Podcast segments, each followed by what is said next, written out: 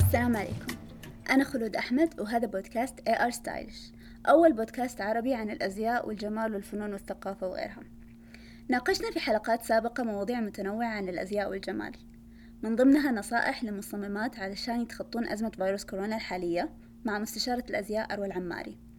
وإجابات كل الأسئلة اللي تراود كل شخص حاب يدخل مجال تصميم الأزياء من المصممة ومدرسة رسم الباترن هند بهمام كمان استضفت خبيرة التجميل وسيدة الأعمال المعروفة نور أبو عوض. في حلقة سابقة حكت لنا فيها قصة نجاحها على الرغم من معارضة الأهل في البداية. تلقون كل الحلقات السابقة وأكثر في موقع arstylish.com أو تابعوني على تويتر وإنستغرام ar underscore stylish عشان تعرفون أكثر. ضيفتي اليوم هي شخصية مؤثرة سيدة أعمال ناجحة. ندى باعشن. ندى درست التسويق واشتغلت في البنوك والشركات لمدة تسع سنوات قبل ما تأسس بوتيك The Huntress في هذه الحلقة تحكي لنا ندى تجربتها وتشاركنا بخبرتها في هذا المجال. أتمنى تستمتعون في الحلقة وتشاركونها مع كل اللي تحبون. أول شيء آه، خليني أرحب فيكي ندى. كيف حالك؟ الحمد لله كويسة أنت شو أخبارك؟ الحمد لله ماشي الحال. أم خلينا نبدأ أول شيء ب احكي لنا عنك. أنت بداياتك في هذا المجال. طيب كبزنس وومن صراحة أنا ما بدأت هذا المجال عن إنه أنا كنت متأكدة. ودارسة إني أنا أدخل. وأنا زي أي بنت خرجت من جدة من المدرسة كنت في دار الفكر. وبعد الفكر رحت الجامعة في أمريكا. كانت فكرتي لما رحت جامعة في أمريكا كنت أبغى أدرس تسويق وعلاقات عامة. actually لا حتى ما كنت راح أدرس تسويق. كنت راح أدرس special education حق الأطفال. بعدين بعد أول خمسة شهور استوعبت إنه هذا مو المجال اللي بدخل فيه ودخلت تسويق لأنه مع إنه أنا كنت عمري 17 سنة فما أظن حتى هذا كنت اللي أنا أبغاه من جد. يعني كنت أحس جدا يعني كنت صغيرة ما أعرف إيش أبغى. إيه. فدخلت تسويق وبعدين قعدت هناك طبعا قعدت في بوسطن ولاية بوسطن أربع سنين. وبعدين من التسويق رحت لتسويق وعلاقات عامة كملت ماجستير في الإدارة. طبعا أنا تخرجت من الجامعة والماجستير مرة بدري فكان عمري يمكن تقريبا يعني تقدر تقولي 21 سنة. فأنا ما أنصح عشان كده أنا دحين ما أنصح أي أحد يسوي ماجستير بدري لأنه لما تكوني صغيرة ما تكوني كافي بالضبط المجال اللي تبغي يعني تكملي فيه. فأنا أنصح إنه أي شخص اذا يدخل مثلا مجال يشتغل بعدين يسوي ماجستير. آه، فبدايتي كانت كده. فرجعت من أمريكا ورجعت السعودية وأنا والدي كان دائما يبغاني أدرس finance اللي هو تمويل. وأنا ما كنت مرة حابة ذا النظام بس لما رجعت السعودية أقنعني أشتغل في بنك. قال لي هذه بداية حلوة والواحد فعلا يتعلم وكثير يعني هيستفيد من من هذه التجربة. وأنا من النوع اللي مرة كده يعني أبوي قدوتي فقلت خليني أسمع كلامه وفعلا البنك هيكون مرة كويس لي. فأول وظيفة لي كانت لما رجعت من بوسطن إني أشتغل في البنك البريطاني في قسم الشركات اللي هو banking. آه فعلا صراحة ما أقول لك كان سهل كان مرة صعب بالنسبة لي انه كان كله finance و accounting وأنا ماني دارسة كذا دارسة تسويق أكثر. قال لي أنا أحس إنه هذه البداية فعلا هتعلمك كيف تقدري تكوني شاطرة في الأرقام تحليل الشركات ال position حقها إذا الشركة بتعمل كويس ولا لا. وهذه تكون أساس لأي شيء تبي تسويه بعدين. وفعلا البنك مرة علمني النظام والدوام كنت بشتغل كنت في قسم كله رجال ف... ففعلا يعني كبرت تقدر تقول تعلمت أيه. فعلا إنه كيف إنه أدير عرفتي أيه. وقعدت في البنك البريطاني ثلاث سنين بعدين رحت الفرنسي بعدين رحت اشتغلت في البحرين آه، في wealth advisory firm شركة آه، استثمارات فقعدت في مجال البنوك تقدري تقولي تسعة سنين ونص وفي دي الفترة أنا بعد سنتين في البنك أنا كنت أحب ألبس ألبس وأشتري ملابس وكذا فقلت ليش ما أفتح محل صغير؟ كانت وما كنت مفكرة إنه هيكون مصدر دخل أو مصدر رزق كنت مفكرة إنه شيء هيكون زي هواية. على جنب وأقدر أشتري بضاعة بسعر أرخص. يعني بنت صغيرة بتفكر بصراحة. أيوه. وكبداية فتحت المحل وقعدت عليه المحل ما كان صراحة يعني يدخل كفاية إنه أنا يعني أترك وظيفتي الأساسية. بعدين لاحظت إنه بعد يمكن ست سبع سنين في البنك كنت حاسة إنه خلاص إنه يعني ما أبغى أكمل في البنك ولازم أركز على شغلي أكثر إنه أحس إنه إذا بكبره. آه فشوية شوية بدأت أتخذ إجراءات إني أكبر شوية شوية نقلت المحل محل أكبر بدأت أشتري بضاعة بحجم أكبر بدأت أسوق أكثر. إلى ما بدأ شوية شوية إنه المحل آه يعني بيعمل فرق آه، تقدر تقولي آه، مادي إني أنا أقدر اترك وظيفتي. فتركت وظيفتي في البنك وبعد تسعة سنين بس برضو لاحظت إنه ما كان عندي خبرة كافية في مجال إدارة المحلات والملابس والتجارة والبضاعة لأنا بشتغل مع شركات وبنوك و private banking يعني ما لها دخل بالتجارة. آه، لها دخل بإدارة الفلوس عرفتي؟ إدارة أموال الأشخاص عرفتي؟ أيوه. فرحت اشتغلت آه، في هارفي نيكلز فترة في الرياض واشتغلت كمان مع بن داود كان عندهم department عندهم department store اسمه أتر درت كل الشراء فيه فلما اشتغلت في حجم أكبر من العمل من الناحية التجارية بدأت أفهم إيش الغلطات اللي أنا بعملها في شغلي إيش الأشياء اللي أنا أقدر أسويها إيش إيش الأشياء اللي أنا كشركه صغيرة حطيتي تركيزك في مكان معين يعني و... بالضبط اللي هو trade buying and selling أنا أصلا أحب أبيع وأشتري. أحب أيوة. أحب ال product أنا عندي a good eye أنا دائما أقول اشتغل في التجارة. لازم يكون عنده a good eye انه يعرف إيش ال product اللي يشت... يعني في الاكل أو في الملابس أو في اي شيء لازم تعرف إيش ال product اللي يمشي بسرعة إيش المنتج اللي يخلص آه، أو يقدر يبيع بسرعة لازم عندك سوق وقفه مع الزباين لازم تكوني عندك انت عملية مو بس خبرة. يعني أنا أسمع كثير ناس يقعدوا يتكلموا عن مو في حال على التسويق. وتلاقيها ما اشتغلت سنة. يعني لازم يكون عندك خبرة عملية. عشان كده لما اشتغلت في بن داوود رغم إنها كانت شركة خاصة وأنا ما عمري تعودت إني أشتغل في شركة خاصة كثير تعلمت عندهم واشتغلت مع خالد بن داوود وفي السوبر ماركتس وفي ال department stores كثير تعلمت لأنه تعلمت يعني في الشغل على أصله يعني رحت الصين ورحت المعارض في كل حتة في العالم. أنا كنت أروح معارض بس إذا كنت أروح مثلا معرضين في السنة قولي رحت تسع معارض أيوة.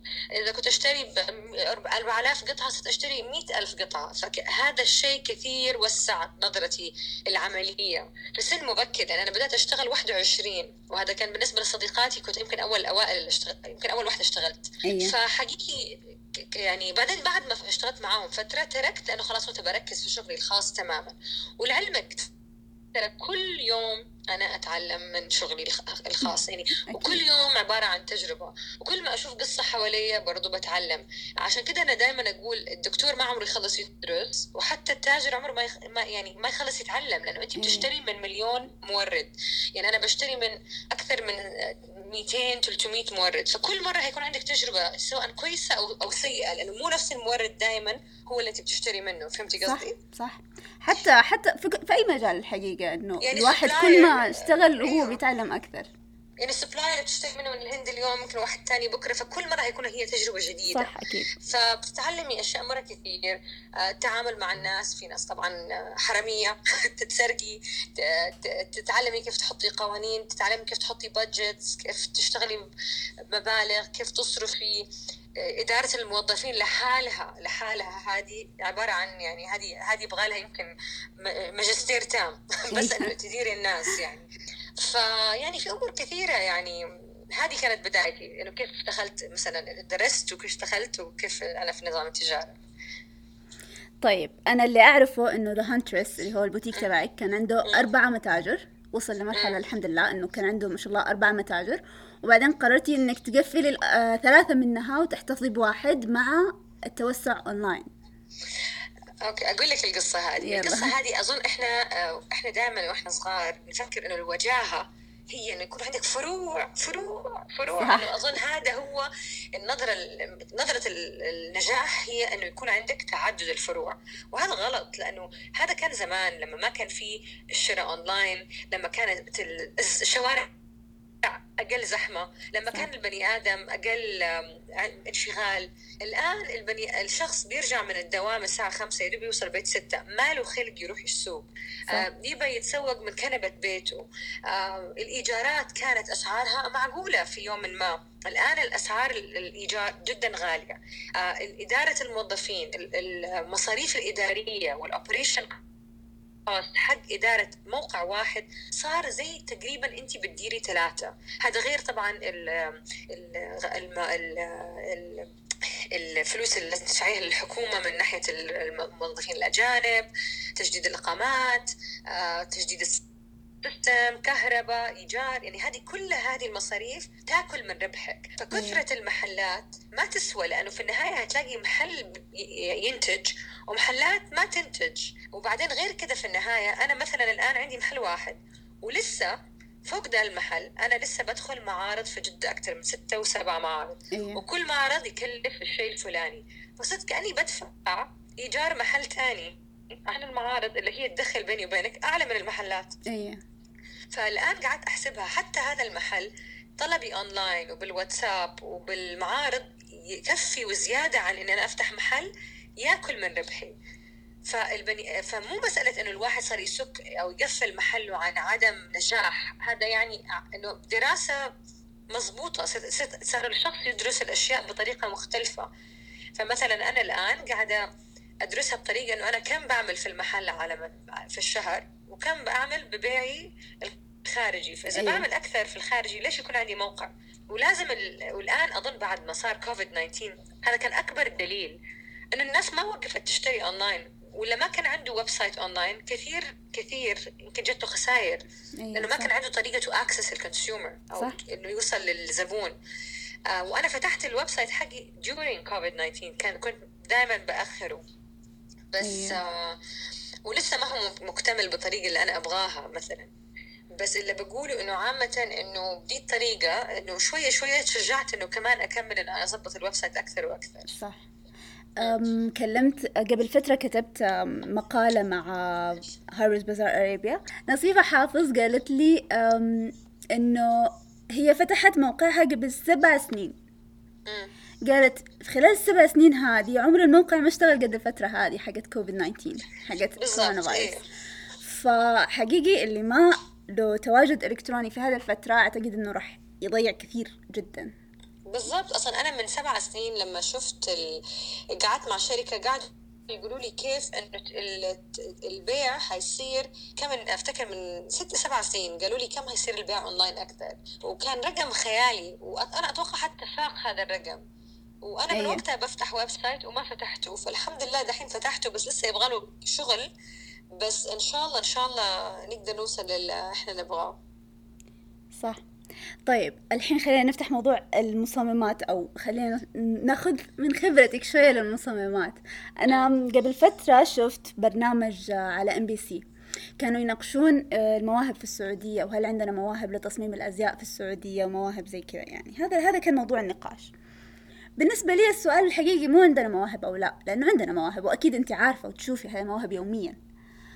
بس السؤال الحقيقي هذه المواهب إيش ينقصها عشان تنجح؟ شوفي أنا آه، ما أظن إحنا ما عندنا مواهب مواهب في السعودية. إحنا في السعودية عندنا مواهب كثيرة. أنا أظن المصمم دائما عنده مشكلة أو الارتست أو الإنسان اللي دائما يفكر بخياله. دائما يكون ضعيف اداريا وفي أيوة، الأرقام. بالضبط. ما تلاقيهم إنه تلاقي المصمم عنده فكرة مرة حلوة يبغى يطبقها. منهم واحدة من صديقاتي جدا عزيزة علي في نيويورك. تبغى تعمل جاكيت سعر القماش حقه مثلا 1000 2000 دولار هذه 8000 ريال. فلما تيجي تقسميها على أربع قطع حتى لو بعتيها بالخياطة وكذا السعر يكون خيالي لأنه ما عندهم نسبة يعني منطق في تقييم السعر أحيانا لكثير من الأشخاص. مثلا. تلاقي أحيانا هي اختصار الفكرة هي المشكلة الأساسية في ال designers إنه دائما يكون عندهم poor number skills إنه الارقام بس هذه المشكلة ندى. هذه المشكلة أيوه, أيوه. وتلاقي product مصنوع هنا ال finishing ما يكون مزبوط تقلب القطعة تلاقي الخياطة مو خطيرة وتبقى تصير سعرها غالي زي مصمم عالمي. بس كمان هم هذه هذه مشكلة. بعدين يجيكي زبون مثلا عنده مشكلة ثانية يقعد يقارن لك سعر سوق الشاطئ وزارة في قطعك. كمان في زبون كمان متعب. مثلا هذه مثلا هذه مشكلة ال design. وفي مشكلة زبون هذه مشكلة أساسية. يقعد يقول لك البضاعة مرة غالية. طب في كل شيء في الحياة في A و B و C في ماركات عالمية السعر الفستان ب 6000 دولار وفي ماركات سعر الفستان ب 1000 وفي ماركات سعر الفستان ب 200 وفي ب 20 دولار أيه. فكل شيء فيه فئة أحيانا يجيك زبون لما يكون برا البلد ما يقول ولا شيء إذا السعر غالي بس لما يجي السعودية ويشوف السعر يقعد يقول لك هذا it's very expensive طب وانت شفتي ال... في كل حتى لو تروحي لندن أو باريس في كل department store أقسام أدوار مم. على حسب الأسعار وهذا طبيعي. بس للأسف كمان في غير إنه المصمم أحيانا آه ما هو شاطر في إنه تظبيط انه اداريا أو يكون عنده بعد نظر في الإدارة. كمان في مشكلة في الزبون كمان في إيش؟ في آه، في تقييم القطع أو تقييم المصممين. إنه ما عندهم segmentation brand segmentation اللي هي يعني يحطوا الماركة في محلها عرفتي؟ أيوه والمصمم هنا في السعودية أصلا من كم سنة صار في بس fashion design من أقل من عشر سنين. فتقدري تقولي حتى لو إحنا عندنا مواهب كثيره لسه هي مهنة هي مهنة جديدة. عكس برا. عندهم أيوة. خياطين من ويتعلموا الخياطة حتى في المدارس من هم صغار. بس شوفي إحنا إحنا حتى لو تعلمنا الخياطة حتى لو المصممة هنا درست الخياطة ما حتدرس الجانب الإداري. بالضبط بالضبط. فهذا يبغى لها يبغى تجارب. آه، لازم أصلا إنه أنا دائما أقول كثير يركزوا على الارت بس ما يركزوا على الأساس اللي يخلي الشركة تكمل. فهذا شيء جدا مهم إنه نركز عليه في المستقبل. عرفتي كيف؟ أيوه صح. كمان من من خلال حديثي يعني مع المصممات عموما ألاحظ إنه تنقصهم الخبرة في التسويق. غالبا يلجؤون لأقرب مشهور أو مشهورة ويحطون عند يعطونهم هدية أو حاجة وخلاص هذا تسويق. وبعدين هذا مرة غلط. أنا أقول لك ليش مرة غلط؟ لأنه مو كل مشهور أو مشهورة هم نفس الزبون اللي تحتاجيه. يعني كل مشهوره مش مشهورة عندهم متابعين بس مو إيه. بس وكل واحدة فيهم عندها آه، زبون معين. فمو يعني إنه انت هتبيعي إذا إذا سوقت لك هذه المشهورة مثلا. لأنه يمكن هي ما عندها الزبون الصح أو مثلا الطبقة اللي تشتري منك بالسعر اللي أنت تبغيه. أيوة. كل business ليه اخصائي اللي بيبيع أكل آه لازم يروح لشخص يسوي أكل كثير ويكون الأشخاص اللي مهتمين في الغذاء زي مثلا ال chefs وكذا دائما بيطبخوا. لما يتكلموا على مقادير ممتاز. بس لما تروحي لوحدة بتعمل fashion كل يوم بتتكلم على أكل تحسي ما هو منطقي ما, ما هتخش راسك هتعرفي إنها دعاية وما هي من قلب. كمان اسمحي لي كمان. آه، كمان لما تجي واحدة مثلا تعلن عن حاجة ويجوا ناس جمهورها كلهم عند المصممة هذه يبغون يطلبون. في النهاية المصممة ما هي مستعدة. أيوه لأنه ما عندك كفاية. وهذا طبيعي في السمول بزنس ف أشوف إنه في طرق ثانية للتسويق ممكن تكون بديلة أساسية لموضوع المشاهير هذا أو موضوع إنه اللجوء للمشاهير للإعلانات. كأقرب شيء أو أسهل حاجة. إيش رأيك في هذا الموضوع؟ شوفي آه، هذه صارت مهنة خلاص يعني ما صارت آه، أنا في نظري ما صار هذا موضوع. يعني زمان أنا أعرف إنه في كل مشهور ومشهورة في إيجابي وسلبي. في الشهرة فيها شيء إيجابي وسلبي وإنستغرام في إيجابي وسلبي. كثير ناس ينوهوا على موضوع السلبية في لا ما يعني هذا لا, لا بس بس حقيقي لا هكون أنا أقول لك ليه. لأنه آه، كثير يكونوا شركة صغيرة وصرفوا كثير لمشهورة وما أيه. جاهم أي أي أي بيع أو ربح فتحس إنه الاعلان كان فاشل. أيه. مشكلة هي المشهوره هي عبارة عن حلقة وصل بين الشخص المروج وال consumer ما تقدر تعمل guarantee sales مشكلة المشاهير إنه ما عندهم ما تقدري تعملي guarantee sales ما تقدري تضمني بيع. هي مجرد تجربه فعشان كده آه، المشاهير الصغار الإنستغرام أسهل شيء تسوقي معهم ليه؟ لأنه هم أكثر أشخاص قريبين للعالم ال girl next door تفي البنت اللي جنبك جارتك فهي البنت اللي تقدر آه، يعني مثلا لما تروحي واحدة من هوليوود أو واحدة من الممثلين الكبار حياته جدا مختلفة عنها الدعاية مرة غالية. لما تروحي لشخص قريب منك والأسعار معقولة ك small business أسهل شيء تقدري تسوقي له. أيوة ولما في سلبيات كثيرة إنه ممكن ال small business هذا مو مستعد. بس إذا كده ما يقدر يسوي شيء لأنه لازم تعمل شوفي لازم تعملي دعاية in general أيوة. سواء انستغرام أو sponsored ad ولازم تدفعي.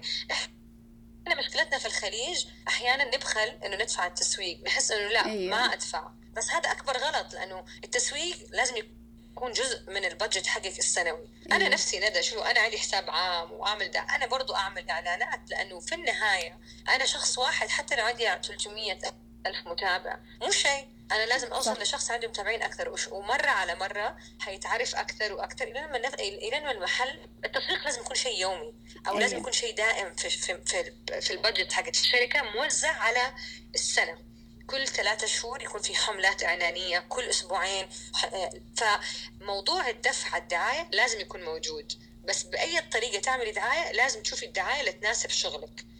أيوة. ما له دخل بمشاهير أو مو مشاهير. في في في في شركات ما عمرهم ما لازم يعملوا دعاية. oil companies وهذا ليش يعملوا دعاية؟ ما يحتاجوا. في دعايات websites ملابس لازم يعملوا دعاية. وكيف يعملوا دعاية؟ لازم يوصلوا للناس اللي أعمارهم من 21 ل 45 في الأغلب. هدول لازم يوصلوا لهم عن طريق انستغرام people ولازم يشوفوا الشخص اللي يناسب هذا ال brand مثلا يعني أنا اليوم مثلا جتني دعاية على brand ما يعجبني ومو style ي ومبلغه حلو بس قلت لا لأنه أول شيء اللي يتابعوني يعرفوا إنه مو أنا. وأنا في نفس الوقت حتى لو جاني المبلغ ما هسويها عن اقتناع. و أبيع شيء ما هو أنا. لازم أكون عندي آه، صلة وصل بال product حتى لو كان product شعبي بس إذا أستخدمه ما عندي مشكلة. آه، بس أنا زبوني ما هيشتري هذا البرودكت فهم هيخسروا وأنا هخسر. بس صعب لما تكوني مشهورة تعملي هذا القرار. في الأغلب كثير ناس يقولوا طيب إنه أحيانا بس يفكروا ماديا. بس المشهورة الذكية تفكر للمدى البعيد وليس القريب عرفتي كيف؟ أيوه. صح. عشان تفكري مست أيوه بالضبط.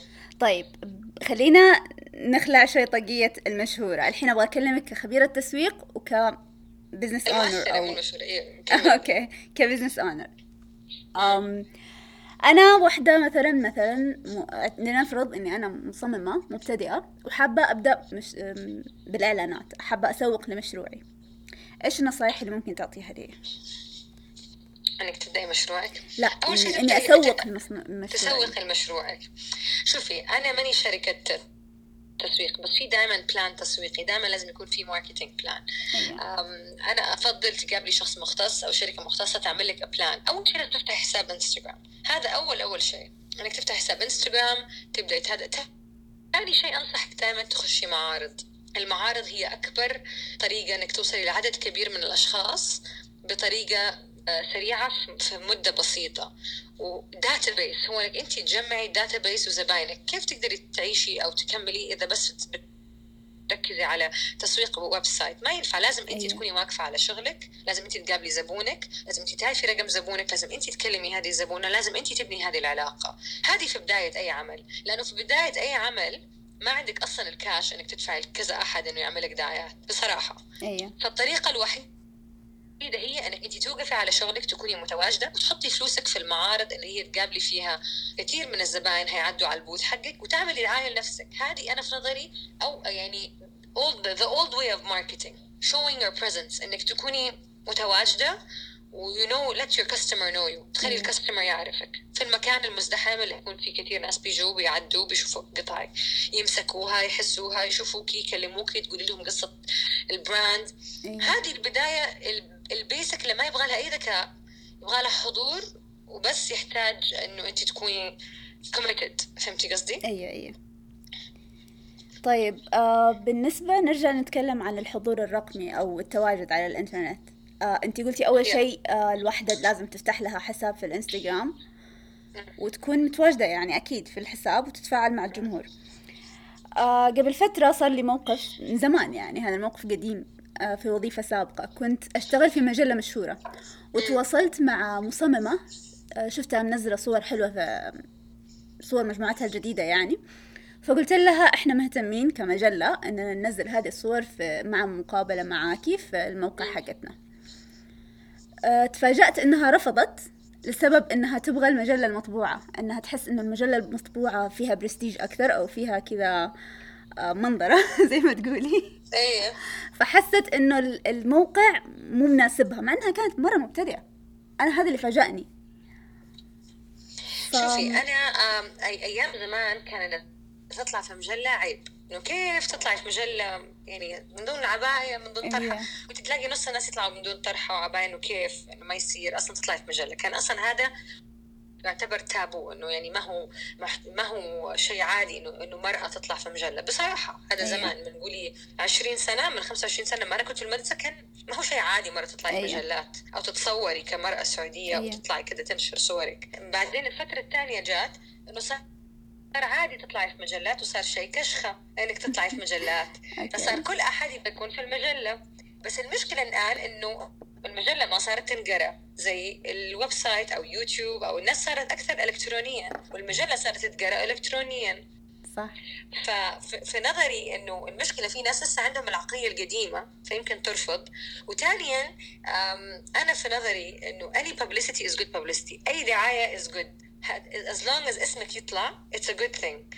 ففي ناس لسه عندهم ال old school thinking طريقة التفكير القديم إنه المجلة وجاهة. okay. رغم إن المجلة اللي في الأونلاين هي برضه مجلة. بس يمكن هي ما هي انتشارها أوسع كمان. ومجال الأونلاين انتشارها أوسع. وانتشارها أوسع. بس لسه لسه لازم تخلي شوية شوية إنه الأشخاص يتعودوا على هذا التفكير. فهذا الشيء. هياخذ وقت. ولما تنقرض المجلات يمكن يستوعبوا إنه خلاص. صح. طيب في النهاية إيش مشروعك المقبل؟ أو إيش خططك الجاية لمشروع The Huntress؟ والله حاليا لسه ما قررت إيش بسوي. في موضوع المحل ماني عارفة إذا أتخذ اتخاذ تام إني أنقل اونلاين أو أكون في محل. قاعدة أفكر في فرص مختلفة إنه مو بس أكون في مجال الملابس. قاعدة أشوف إيش موجود حاليا. الواحد يدرس الموضوع. فما في شيء معين لسه في بالي. بس قاعدة أفكر في أشياء يعني مختلفة. الواحد يشوف إيش ال- الاتجاه اللي يبغى ياخذه. فلسه قاعدة في دراسة تقدري تقولي. فترة تحليل ودراسة. طيب خليني أسألك أنا آخر أظن في هذه الفترة الواحد ما يتسرع. هم؟ صح أكيد أكيد. كل يتروق كل أيوه. أيوه كل قرار في هذه الفترة يخلي فلوسه في جيبه. خليني أسألك آخر سؤال.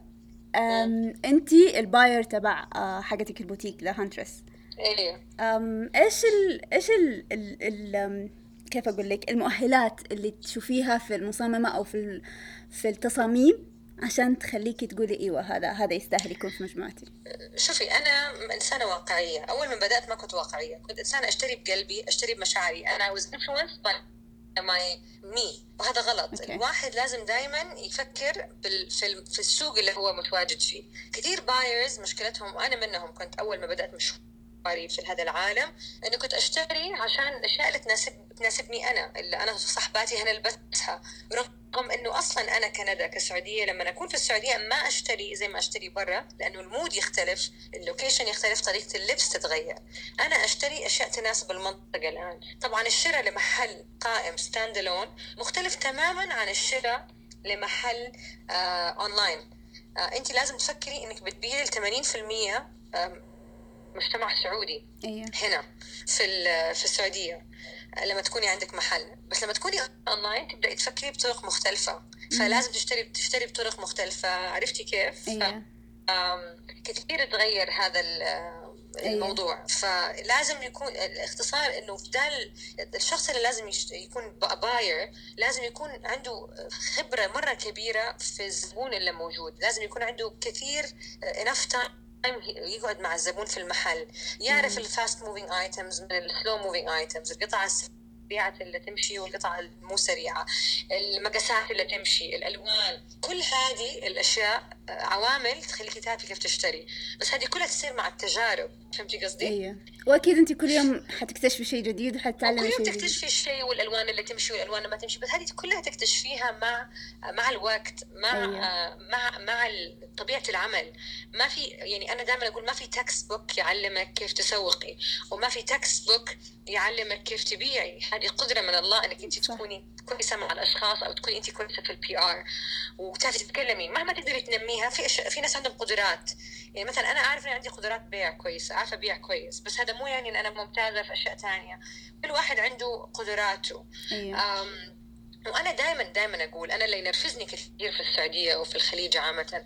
تلاقي واحدة أخذت كورس وتلاقي واحدة راحت عملت ماجستير أو سوت مثلا اختبار فجاه تطلع لك هي اللي عندها مشاحات على وفاهمه كل شيء. أيوه. العمل عشان تتقنيه وتكوني فاهماه لازم على الأقل يكون عندك خمسة سنين experience فيه أو خبرة فيه. أيوة. لازم يكون عندك مدراء وما تكوني انت owner لازم انت تشتغلي تحت أشخاص. لازم تكوني انت موظفة. لازم انت تروحي up the ladder تروحي تطلعي السلم مو انت تبدأي من فوق. أيوه. عشان تتعلمي. آه، وهذه كثير مشكلة إنه إحنا في السعودية عندنا entitlement issue إنه أيوة. تعرف يعني entitlement إنه يعني إنه دائما. عندنا إنه- يحسوا الفك- إنه أنا أستاهل أكون مدير. أيوه. طب كيف؟ أنت دوبك متخرجه إنه ماجستير مو يعني إنك أنت اخترعتي ذره ماجستير مجرد شهادة. ال... وبعدين أنا دائما حتى يعني شوي أنا بعيش إحنا حضارة فأنا دائما أقول الواحد يتعلم من وقفته في المحل. أنا وأنا صغيرة كنت أشوف أحمد العسائي دائما يوقف على شغله في المحلات وأنا صغيرة أم- أم- أمي تشتري ملابس العيد ولما كبرت كنت أروح إيطاليا أروح المعارض أشوف لسه قاعد مع يمكن ست أشخاص يروح يشتري بضاعة من إيطاليا. في ذا أيوة. العمر أيوه فبرضه واقف على شغله فالبني آدم عشان يتعلم. لازم يكون يعني يقعد في مجال سنين عشان يقدر يقول لك يا أنا أحيانا لما الناس يتكلموا معايا على مليون شيء ويتفلسفوا لي كلام كبير أحس أحيانا إنه هدول ما بيتكلموا كلام واقعي. وياما ناس فتحوا وقفلوا ولما كنت أتكلم كانوا يبينوني إني أنا ماني فاهمة طريقة عملهم. وهم قفلوا وأنا لسه موجودة. والسبب هو إنه أنا ما تفلسفت. أنا مشيت بالطريقة القديمة ال old school اللي كيف أفهم الزبون وكيف أيوة. أكلم الزبون وكيف أوقف في النهاية خطوة خطوة يعني أنت كل رمضان كل رمضان بعد صلاة التراويح أنا في المحل الساعة 2 ونص في الليل. إن شاء الله كان عندي أكبر عزيمة أروح لهم بعد. أيوة. لأنه التاجر اللي قلبه على شغله وعنده commitment وعنده كيف أقول لك حماس إنه على عمله وقلبه في شغله لازم يكون موجود متواجد لأنه بعدين أنت لما تكوني متواجدة اللي يشتغل معك يحس إنه هو لازم يأدي كمان أكثر. لما أنت تكوني غير متواجدة وغير مهتمة حتى اللي يشتغلوا عندك ما هيعطوا. فهمتي قصدي؟ صح أكيد. بس هو هذا. يعطيكي ألف عافية ندى تحمست مرة في الكلام معك وانبسطت جدا. أنا كمان والله إن شاء الله عجبك الحوار بالعكس استمتعت في الحوار ثري. تسلمي شكرا. فرصة سعيدة تعرفت عليكي وفرصة سعيدة تكلمت معاكي واكتسبنا أكثر من خبرتك. تسلمي شكرا. شكرا. باي. باي.